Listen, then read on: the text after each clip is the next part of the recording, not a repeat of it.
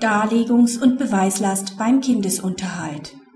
Wird Kindesunterhalt begehrt, der über dem Mindestbedarf der jeweiligen Altersstufe der Düsseldorfer Tabelle liegt, muss das darlegungs- und beweispflichtige Kind substanziiert zu den Einkommensverhältnissen des Barunterhaltspflichtigen vortragen. Die Darlegungs- und Beweislast für die Höhe des Bedarfs beim Kindesunterhalt trifft das Kind. Entsprechend den allgemeinen Regeln ist der für das Kind günstige Umstand eines hohen Bedarfs, der bei hinreichender Leistungsfähigkeit zu einem höheren Unterhalt führt, von diesem darzulegen und gegebenenfalls zu beweisen.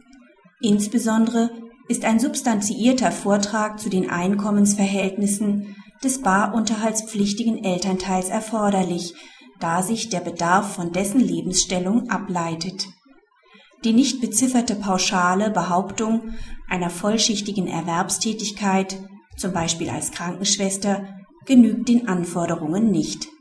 Eine Ausnahme besteht nur dann, wenn lediglich der Mindestbedarf im Sinne des Paragraphen 1612a BGB eingefordert wird.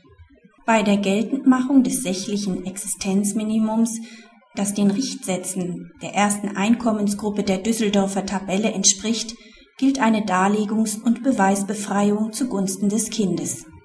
Die mögliche Heraufstufung in eine höhere Einkommensgruppe entsprechend der Anmerkung A1 der Düsseldorfer Tabelle bei weniger als drei Unterhaltsberechtigten führt gleichfalls nicht zu einer Erhöhung des Mindestbedarfs, der eine substanziierte Darlegung der Leistungsfähigkeit entbehrlich macht.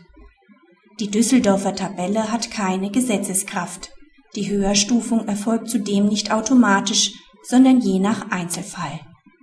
Praxishinweis die Festschreibung des Mindestbedarfs des Kindes führt nicht automatisch zu einem Mindestzahlbetrag des Unterhaltsschuldners.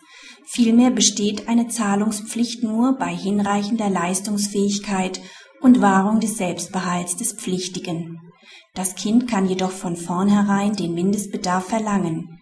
Der Pflichtige hat dann den Einwand zu führen, auch dafür nicht leistungsfähig zu sein und hat diesen Einwand zu beweisen. Das Kindergeld hat dabei auf die Leistungsfähigkeit keinen Einfluss, sondern vermindert den Barbedarf